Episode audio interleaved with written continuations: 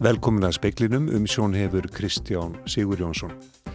Ekki verður byrjað að nota bóluefni frá Livia-framleðandunum Janssen fyrir niðurstaðleiku fyrir hjá Livia-stóttun Evrópu um hvort einhver tengsl séu milli bóluefnisins og blóttappa. Bandaríkjafórseti hvartir rúsa í dag til að minka spennu við landamæri Rúslands að Ukrænu.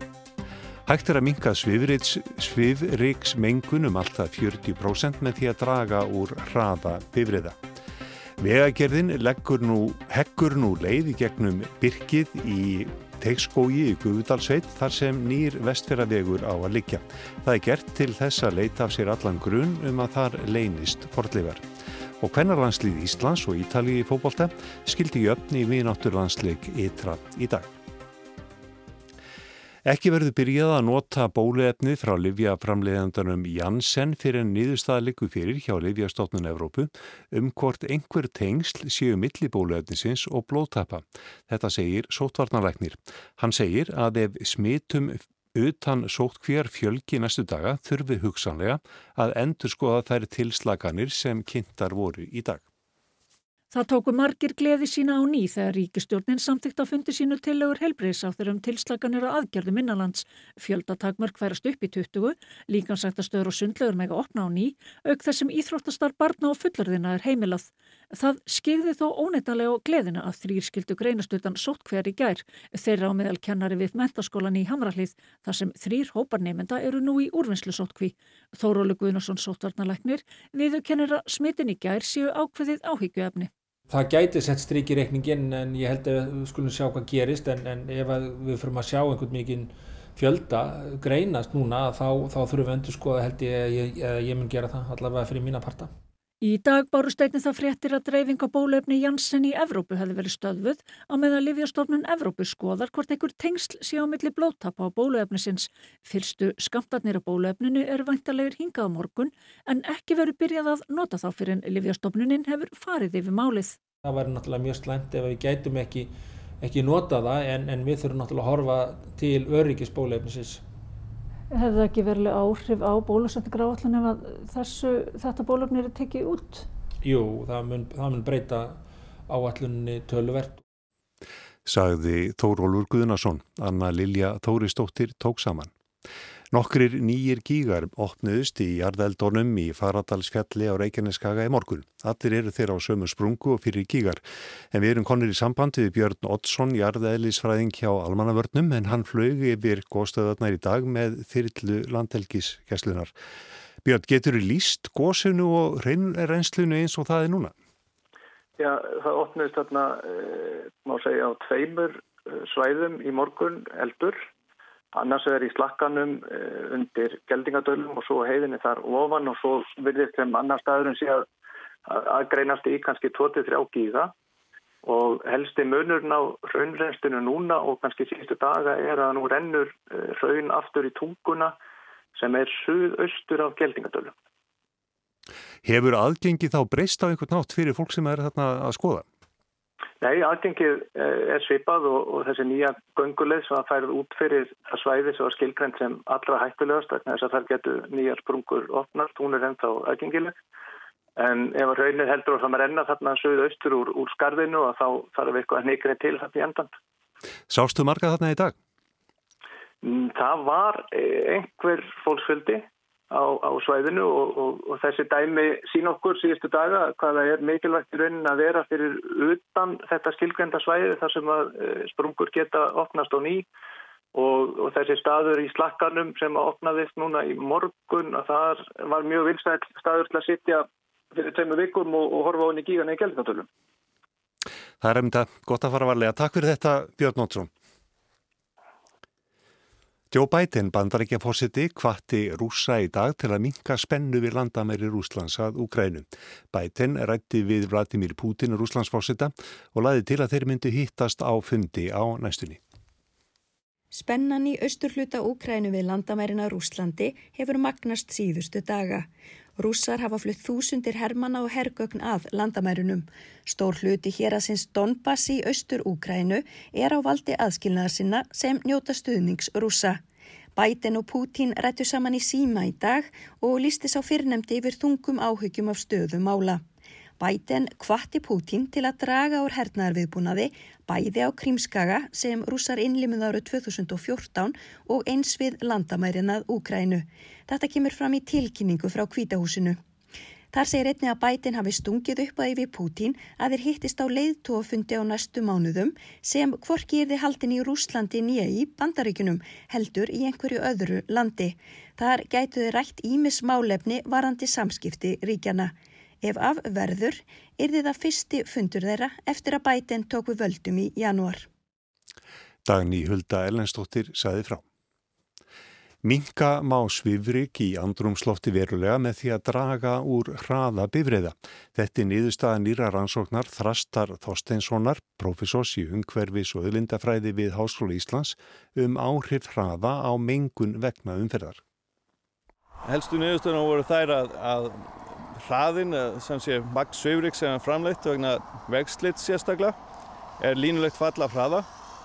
Og þar sem nagladekkin eh, spæn upp eh, malbygg og vegslitið er sem sé 20-30 sinum meira vegna nagladekja að þá hefur það tölverkt mikil áhrif að draga úr hraða að sérstaklega hefða nagladekk eru notuð. Og það sem sé ein, einuðustöðan var svo að draga úr hraða frá 50 km neyri 30 km geti dreyið úr myndum sveifriks um alltaf 40%. Hvers vegna ákvaðstu að ráðast í þessa rannsók? Grunaði þig svona fyrirfram að þetta væri svona? Já, ég hef tekið þátt í, í norrænum samstagsverkefnum sem fjallaði mitt um vegurrygg og, og sem sé slita á, eða myndun svifryggs sem er ekki vegna útblástus og þar hafa verið gerðar á Norðurlöndurum mjög marga rannsóknir sem sína þessi tengsl bæði við hraða sem sé að, að magt svifryggs ekst með hraða línulega nokkuð minn og eins að nagladekkin slíta þetta 20-30 og jafnvel meira í sumum tilfellum heldur en óneld dekk. Sagði Þröstur Þorsteinsson í viðtali við Jóhann Bjarnar Kolbeinsson nánaður fjallaðum þetta máli í fréttum sjómars klukkan sjö. Vegagerðin heggur nú leiði gegnum byrkið í teikskógi í Guðvudalsveit þar sem nýr vestfjörarvegur á að liggja. Það er gert til þess að leita af sér allangrun um að það leynist fordleifar. Búið er að fella leiði gegnum skógin í Melanessi við Gufufjörð og nú er unnið við Hallsteinsnes við Djúpafjörð í Gufudalsveit. Sigur Þór Guðmundsson verkstjóri hjá vegagerðinni segir þetta hluta af skilirðum í framkvæmdaleifi til veglagningarinnar. Já, sjálfsögðu var þetta allt skráð samt í mati umhverfisafsum og farið yfir þetta allt þá. En maður veit aldrei, þannig að við erum að tryggja okkur að það sé öruglega allt upp á borðum í þessu. Lífmassamælingar standa þá einnig yfir. Fuglatalningar fara fram í sumar og verður þá bottlíf í fjörðunum rannsakað. Þá taka við jarðvegsrannsóknir til vegagerðarinnar sjálfurar. En hefur ekki fengist niðurstaða í samningsviðræður við landeigundur að gröfi í Þorskafyrði en Sigur Þór segir að þær standi yfir. Í næstu viku verður hafist handa við þverun Þorskafjörðar sem stittir vestfjörðavegum 10 km. Framkvæmdir á rúmlega 6 km kabla í Gufufyrði hafa þó staðið yfir í vetur og á að ljúka í júli á þessu ári. Já, við stefnum á að djúpadalsvegurinn eh, fari út í, í vor. Sávegur tengir djúpadal við hinn nýja vestfjörðaveg. Sigur þór vonast til að hægt verði að byrja á þverun Gufufjörðar í haust. Elsa Maria Guðlaugs Drífudóttir saði frá og talaði við Sigur Þór Guðmundsson. Og það var harður áreikstur á kringlumirabrauti Reykjavík á 17 tímanum og þar eru miklar umferðartamir eins og er. Ísland og Ítalija skildu jöfn 1-1 í vinátturlandsleik hverna í fókbólta ytra í dag. Karolína Lea Viljónsdóttir skoraði mark Íslands þegar hún jafnaði metin í fyrir áleik en Ítalija komst yfir snemma leiks. Ítalija vann leik þjóðana 1-0 á lögardag.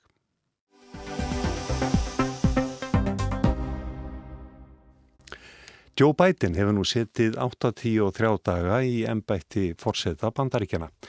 Hvernig hefur hún farnast í ennbætti það sem að verð? Hvernig hefur hún tekist að kljást við COVID-faraldurinn, flótamannaströym frá Mexiko og ekki síst óróa á milli kynþótta í miðjum réttarhöldum í Minneapolis vegna drafsins á George Floyd. Silja Bára Ómarsdóttir, professor í stjórnmálafræði við Háskóla Íslands. Velkomin í speilin. Takk fyrir. Silja, á fjör ára valdatíma Donalds Trumps þá byrjuðu ófáir fréttatímar útvars og sjónvarstöðum allan heim á orðunum Donald Trump bandaríkjafórstiti. Hversu oft byrja fréttatíma núna orðunum Joe Biden bandar ekki fórseti og hvernig byrja að skilja það að, að svo er ekki raunin? Já, það fer ívið minna fyrir honum í fjölmiðlum og kannski aðalega á samfélagsmiðlum og það er ekki sami svona, eh, svona óreiðu stjórnunarmátinn sem að, að maður sér í hérna, einnkjana bæten. Um, það eru þetta margt sem að, að hægt að fjallum og, og sko, fjölmiðlar eru náttúrulega hérna, stút fullir ef þú, ef þú ferð hérna, aðeins ofan í, í, hérna, ofan í vefina og inn í blöðin þá er þetta gríðilega mikið verið að fjallum það sem að er í gangi. En það snýst ekki um einstaklingin jafn mikið eins og það gerði á valdatíma Trumps. Mm og uh, bætin er uh, eins og nefnir þessi mál, uh, landamærin, lauruglófabeldi, skotvapnalaugjöfin, lofslagsmál, innviðir, þau eru gríðarlega stór mál sem að er verið að fást við, bæði hann persónlega og, og ráþærar og, og, og varafórsetin og í þinginu, þannig að, að það er nófið að vera og svo þetta tvennar stóra fréttir í dag af alþjóðmálunum, annars vegar Úkraina og, og hins vegar hérna, brottkvarf bandrækjahers frá Afganistan sléttum 20 árum eftir að, að ráðast var á tvíbaraturðuna. Þannig að það er, það er nófið að vera en, en það er ekki þessi e, það er ekki þessi æsingur eins og, og síðustu fjögur árun voru. Mm. Hvernig, já, hvað hefur hann gert þessi 83 daga og hvað hefur hann lagt mesta áherslu?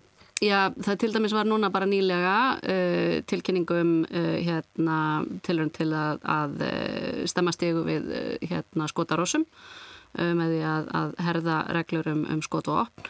Uh, það er lofslagsraðstefna á, á döfinni núna á degi jarðar, 20. Já, april, núna sem að daginn fyrsta.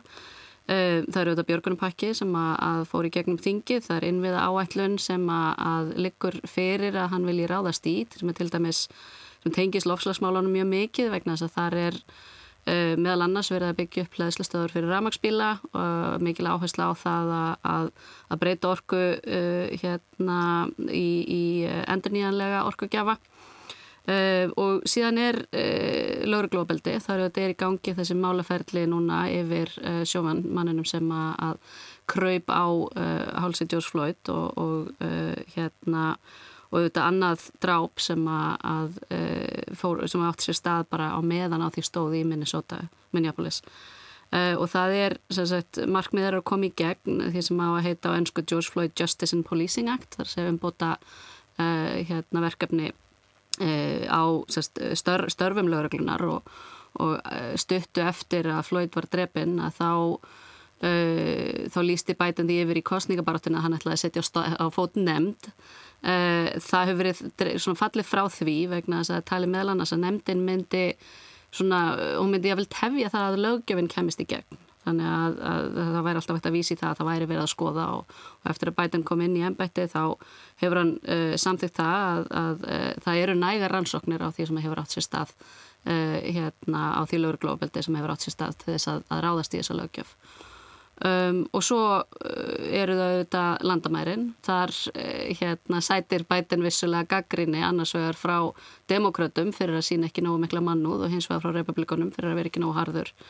En uh, hérna, fjöldi þeirra sem að, að sækjast eftir því að komast inn í bandaríkinn gerðnan án tilskilna leifa eða hérna, fyrirfram útgefina vegabriðsáritana er alveg gríðarlega mikið. Það var uh, um 200.000 manns innan við 200.000 sem að komi á milli oktober og, og mars uh, 1. apríl í, í fyrra, eða fyrir ári og núna um 400.000 og fjöldi barna, fjöldalösa barna er, er, hefur líka tvöfaldast. Mm. Það kom fram já. í, í fréttum núna já. Eh, bara í gæraði fyrirdag að, að landamæra verðir, lauruglumenn þarna á landamærunum, mm. þeir viti ekki alveg hvað þeir eru að gera. Já. Það er eins og að sé Er það rétt með gaggríni að það sé stefnuleysið þetta? Það er, uh, sagt, ég, ég þór ekki alveg að fullera það sé stefnuleysið en það er hérna, það hafa verið sagt, dregna tilbaka á hverjum tilskipunum frá Trump, uh, kannski ekki komnar í staðin uh, alveg skýrar, en síðan líka er það bara vegna þess að hérna, vegna COVID þá eru takmarkanir á það hversu marga er hægt að setja í þessar skamtíma vistanir sem eru í raunveru fangelsi Uh, og það er uh, krafa um það að börn sé ekki þar inni nema í kannski 3-4 daga. Það er ekki að takast uh, og þau þurfa líka að vera færri vegna þess að það verður að vera lengra á millið þeirra og svona. Þannig að, að þau get ekki stíð inn í hérna, inn í þessi mál og samahættið eins og þau myndu kannski vilja gera. Það er, uh, bætin er núna búin að tilkynna hvernig það ætlar að skipa yfir sagt, skatta og nei, hérna, totla á landamæra eftirlitið. Og það er fyrir um lauglistjóri í Arizona sem að ég til dæmis tók þátt í, í Black Lives Matter mótmælum, bara skildi þar, þannig að tekið var eftir. Uh, hérna, og hefur sætt mikið líka aðgrinni af, af hálfu republikana fyrir að vera uh, svona, uh, hafa svona mannúðlegra eða ekki nógu harða hérna, afstöðu til, til landamærarna og landamæri eftirlit þannig að þetta er hérna, það, það er greinilegt breytingaferli í gangi og þá er oft erfitt einmitt að fóta sig og, við, og óljóst hver, hverjum hérna, hvaða reglum á að fylgja og hvort að þessi hérna, úreldar eða hvað. Mm. En það er til dæmis bara verið að kalla á fólk innan ímis, ímisa stopnana í bandaríkjunum sem að, að snúa að landamærum og, og hérna, uh, heimilandsörgi að taka launað leifi til þess að fara og bara starfa sagt, á þess að vera ráðin inn í þessar stopnarnir sem er að taka móti fólki að mæta fólki á landamæranum. Þetta er greiðalegt álag. Hvernig hefur bætið en við förum að lókum í það gengið í COVID-málum? Já, það virðist uh, mörguleiti ganga betur heldur en hann, hann hétt því að, að koma 100 miljón skömmtum í, í, í 100 miljón handleggi á, á 100 dögum uh, hérna, og það í raun og veru virðist bara að ætla að fara fram úr uh, vendingum. Jáfnvel verið að tala um að það verði offrambóða á bóluefni í bandaríkjunum bara núna í næsta mánuði sem auðvitað geti þó kom sér vel fyrir önnu lönd eins og okkur. En hérna Uh, en þetta er mjög mismunandi. Það er uh, til dæmis í, í Michigan er verið, verið að koma upp önnur hérna einn bylgjan enn. Og uh, bætin er þrýst á ríkistjórun þar að, að fara í lokanir sem hún vil ekki. Þannig að, að það er gríðarlega spennað þarna milli. En, en bólusetningarna ganga mjög vel og það, þá, þá komum við sennilega þeim mörgum fljótlega að við munum sjá uh, þennan hóp sem ekki vill bóluefni. Þegar, það, þegar sáhópur verður eftir uh, fólk sem ekki trúur á bólusetningar yfir höfuð hvernig uh, hérna sjúkdómurum fyrir þá að dreifast sko. það verður áhugavert. Já, er takk fyrir þetta Silja Bára Ómarsdóttir, það verður fróld að fylgjast með hvernig gengur hjá bætin næstu vikur og mánuði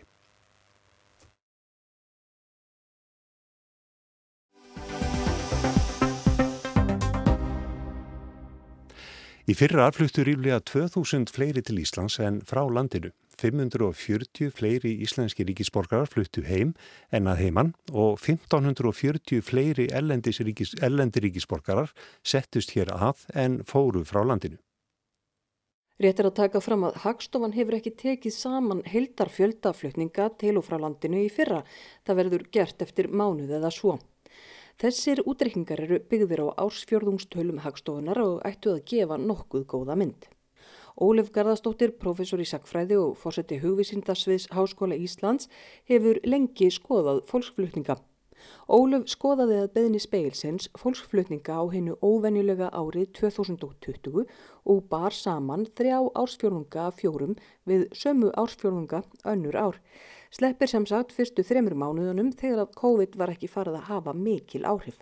Ólöf bendir á að Íslendingar séu gjarnari á að flytja á millilanda en margar grannþjóðir og að nánast engin munur séu á konum og körlum. Íslendingar eru mjög hreifanlegir og þeir flytjast meira á millilanda heldur en nákvæmna þjóðuna til dæmis. Þeir eru mun líkleri til þess að flytjast til útlanda og búa þar tímabundið.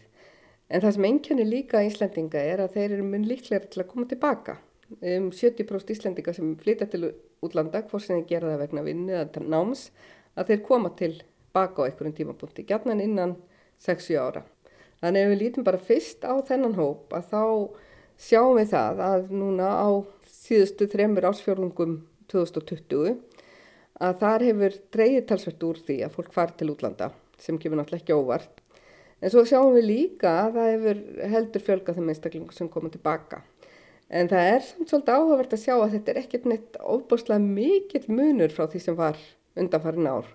Og það eru nokkurar ástæði fyrir því. Því að jáfnvel þótt að ég segi það að Íslandingar séu svona líklega til þess að flytja búferlum til útlanda, að þá skrást ekkert allir þessir einstaklingar sem fara. Fólk til dæmis sem fer til náms til Bandaríkjana eða til Kanada, að það heldur gætnan lögheimilin sem á Íslandi og það kemur alltaf fram í neinum hagtölum að fólk hafi flutt.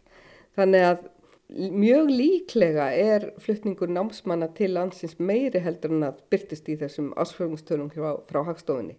Ef við snúum okkur að erlendu ríkisborgaranum og skoðum flutninga til landsins í fyrra, séast að á fyrsta ásfjörðungi fluttu 1400 fleiri erlendi ríkisborgarar hingað en fluttu frá landinu. Og svo verður heldur betur viðsnúningur. 260 fleiri flytja frá Íslandi en til landsins. Á þriðja ásfjörðungi taka aftur fleiri að flytja hingað. 410 fleiri erlendi ríkisborgarar flytja til landsins en frá því en á fjórða ársfjörðungi flytja 60 fleiri erlendi ríkisborgarar frá landinu en til þess. Í heild fyrir árið allt fluttu 1540 fleiri erlendi ríkisborgarar til landsins en frá því. Miklu færi en árið 2019 þegar að 5020 fleiri erlendi ríkisborgarar fluttu hingað en frá landinu. Aðstæðnar í heiminum er þess aðlis að fólk flyttur minna og eh, svona nýlegar tölur sem ég hef séð að það er svona benda til þess að, að það hefði dreyist samanflutningar fólks í heiminum um að minnstakosti 30% frá fyrra ári og þetta er svolítið mismunandi eftir löndum náttúrulega eins og gefur að skilja. En Íslandingar séu afar háðir starfskröftum að utan. Ólöf minnir á þenslu skeiðið rétt fyrir hrun þegar að fólki sem flutti til landsins snar fjölgaði. Þá sáum við alveg óbúslega mikla fjölgun í karlkynnsinflytjendum sem satt, minni meðal kvenna hlutur kvenna, erlendra kvenna hefur meira miklu jafnari heldur en karla í gegnum tíðina. Konu voru lengi vel mun fleiri heldur en karlar sem komi hinga til Íslands. Þetta breytist einmitt þarna 2004, 2005 eða 2006 þegar byggingariðnaðunum fór á, á flug og svo dró aftur úr þessu eftir hunni. Það er að segja að konurnar urðu frekar eftir heldur kallarnir og kallarnir fóru frekar. Og síðan aftur náttúrulega fáum við þessa þenslu sem er bæði drifin náttúrulega af byggingariðnaðunum en líka af turismannum Þannig að við sjáum hérna mikinn fluttning hinga til lands alveg frá árinu 2011-2012 og þanga til 2018-2019 þá fyrir svona aðeins að draga úr þessum fluttningum. Þannig að við sáum svona heldur færri sem komi hérna til lands síðustu tvö árin. En svo dregur ennþá meir úr þessu í fyrra. En það er ekki, alls ekki þannig að það kom enginn til landsins. Það er talsverð fækkun um svona 20-30% fækkun ef við bara tökum síðustu þrjá ársfjörnunga ársins 2020 miða við sama tíma 2019 að þá er sérstaklega meðal Karla þá er eitthvað um það byrj eða rúmlega 30% fekkunni með þeirra sem koma til landsins og það fjölgar aðeins líka fólki sem fer. Já, einmitt, það, þetta snýst ekki bara um þá sem að koma heldur hvort fólk er áfram eða, eða fer aftur Já, til síns uppruna lands. Já. Og það sem fólk lítur gætnan til að það er þessi svo kallega flyttningsjöfnuður eða jákvæðir eða neikvæðir, eru fleiri sem koma en þeir sem fara. En það er líka mjög áhugavert að skoða bara í raun og verið þess að heildar flyttninga. Því á þenslu skeiðum að þá einkennast flyttningar af því að það bara fjölgar mjög mikið bæði aðflyttum og brottflyttum. Fólk er að koma, vinnum tíma og fara aftur, það koma nýjir. Og það sem var svo áhugavert á Íslandi eftir hunnið var það að Jafnvel þótt við verðum með neikvæðan flytningsjöfnum, það var margir sem fóru, þá komu mjög margir nýjir einstaklingar til landsins, þar að segja fólk sem ekki hafði búið hérna áður. Og þetta var sem sagt í miðri kreppu og þetta er sjálfuð sér eitthvað sem hefur ekki kannski verið nægilega vel rannsakað hverjir ástæður þess að eru, en þetta er mjög áhugavert. Snúum okkur aftur að síðast ári. Óluf bendir á að það sé lítill neikvæður flutningsjöfnuður meðal Karla þess að þrjá ásfjörðunga í fyrra eftir að COVID tóka það var áhrif. En það er enþá jákvæður flutningsjöfnuð með að kvenna og það er bara talsveit mikið að fólki að koma. Og við erum yfirleitt með jákvæðan flutningsjöfnuð á Íslandi, sérstaklega við lítum til inflytjanda eða það er að segja ellendra ríkisborgara. Þegar undanfarin ára þá hefur hann verið jákvæður, bara undanskildu þannig árinu 2009 og að ekkur leiti byrjun árs 2010. Þannig að nú er þetta svona nokkuð jamt meðal karla, álíka margi karla sem fara á að koma. Konur koma en þá meira mæli heldur en fara er eitthvað að vitað hvernig stendur á því að það, þetta er svona verið jaft og þétt hjá konun? Sko, Einn skýringin er alveg örgla svo að þessi þensla sem kemur meðal annars fram í auknu byggingamagni á Íslandi, það kallar á kalkinsvinna. Þannig að það náttúrulega er stóra skýringin þarna. En svo var náttúrulega velta þessi, velta þessi fyrir sig með túrismann sko. Maður hefði svona kannski haldið að það erði líka svona sambarileg þróum með alkvenna því að margir af þeim sem starfa með beinum eða óbeinum hætti við ferðamannaðina það er náttúrulega konur sko. En það hefur fjölgað konum en það, það er, er miklu stöðugri.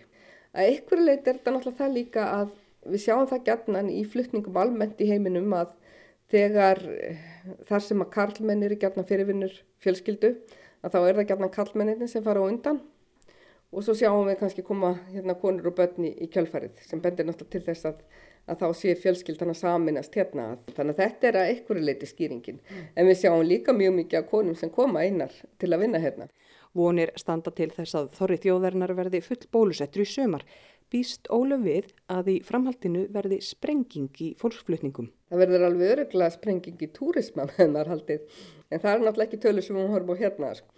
en túrismi náttúrulega hefur í förmið sér eftirspurn eftir vinnuafli sem vinnur við ferðumanniðina þannig að maður einhvern veginn ímynda sér að þetta elgóðs út á Reykjanesi að það sé svona, verði svona sambærileg tók, tókkraftur eins og ég fjallajökull var á sínum tíma þannig að þetta er mjög áhugavert með þessi elgóðs á Íslandi í í hérna fluttningssögur landsins. Jú, ég myndi halda það mest að mjög líklegt. Ragnhildur Tólasíri saði frá og rætti við Ólöfu Garðarstóttur, profesor í sagfræði og forsetta hugvísindasviðs Háskóla Íslands. Þorvaldur Þórðarsson, profesor í eldhjallafræði, segir að framleiðslan í gígunum á Reykjaneskaga sé að nálgast 15 rúmmetra á sekundu. Hann telur að raunið frá gósinu muni ekki renna langar leiðir. Nýju gígarnir sem spretta upp virðast vera viðbútt. Kvíkugangurinn aðval aðfæslu að gósin sé samfelt held. Og í honum er jafnþrýstingur og pínlulli yfirþrýstingur. Það er sem frá upphæðu gósins er búið að flæða cirka bát 15 rúmmetra á sekundu inn í gangin og við byrjum á því að taka út rónum cirka 5 rúmmetra síðan jógst það upp í 8-10 rúmmetra á sekundu og uh, samt eða 5 eftir til þess að ná jafnvægi. Þannig að, að ég held að núna, þetta sem við séum núna, það er þessi viðbót sem að hérna vantaði upp á 15 uh, rúmmetra flæði. Þannig ég held að við séum fann að nálgast, við séum fann að nálgast þetta jafnbæja flæðið inn er orðin svipa því sem kemur út. Þegar við náum þessu jafnvægi sem þú kallar það, já hvað gerist þá? Hættir gósið að heldur áfram að matla? Þegar það jafnvægi, ef þú viðheldur þessu jafnvægi, þá heldur gósið bara áfram að matla því þá flæðir bara kvikkan í gegn, það kemur jafn mikið inn og út og þá heldur það bara að streyma út og þá mun gósið halda áfram. Ef að hérna, innflæðið eikst, að þá er líklegt að sprungan fara að lengjast og stakka. Gósi verður náttúrulega í samanskapi öflura. En ef að innflæðið mingar, þá fyrir að draga úr gósinu og, og hætt við því að það jafnveg stöðust. Hann segir að hugsalegt sé að kvíkugangurinn sé starri en að talið hefur verið og hann viki niður á við. Það geti þýtt að það geti komið meira upp á yfirborðið. Þannig að við erum að gefa okkur ákvæmna fórsendur um að við vitum nákvæmlega hvernig þetta er en það eru stóra þessu og það er alveg líklegt að, að eh, hérna, við séum að vannmeta innflæðið inn í gangin, það getur alveg að sé ennþá meira. Þeir sem hafa fylst með og jafnvel farið af gósunu oftar en einu sinni sjá að breytingarnar á hrauninu eru talsverðar. Þorvaldur metur það svo að hraunið eigi ekki eftir að fara langar leiðir. Ég held að hraunið muni halda að byggja upp, byggja sér sjálft upp í næsta nágrunni við gígan. Ég er það fara ekki neina langa vegalendur eins og er. Meðan að framlegin er svona lítil og, og eins líka þegar við horfum á raunáttan sem kom frá einstakku gígum að, að þær eru jafnvel að, að skipta sér upp. Og þá náttúrulega ef, ef að gígur er að framlega 5 rúmmetra á sekundu og þú skiptir því á milli tvekja eða þryggja raunáa þá far hver fyrir sig bara smá skamta því sem kemur út og lengdin á hrauninu, hversu langt það fer, er líka fall af hversu mikið flæðið er í hrauninu sjálfum. Það er eitt þáttur sem að ræði því hversu laung hrauninu getur orðið, orðið og meðan þetta er svona lítið og meðan þetta er að skipta sér upp í marga litla ála og hitta þá fer þetta ekki mjög langt. Þá held ég þetta að segja að raun og veru bara stablið sér upp í kringu gígana og dreifist á í mismunandi áttir bara eftir því hvernig það er búið að byggja þessu upp og hvernig líkur í landi fyrir hraunið á hverjum stað og þannig að þá munir hlaðast upp svona litla dingjur í kringum þessa gífa. Sagði Þorvaldur Þórðarsson, Arnar Pál Haugsson talaði við hann. Og fleiri er ekki í speklinum hjá okkur í kvöld, það var Mark Eldreit sem að sendi út veriði sæl.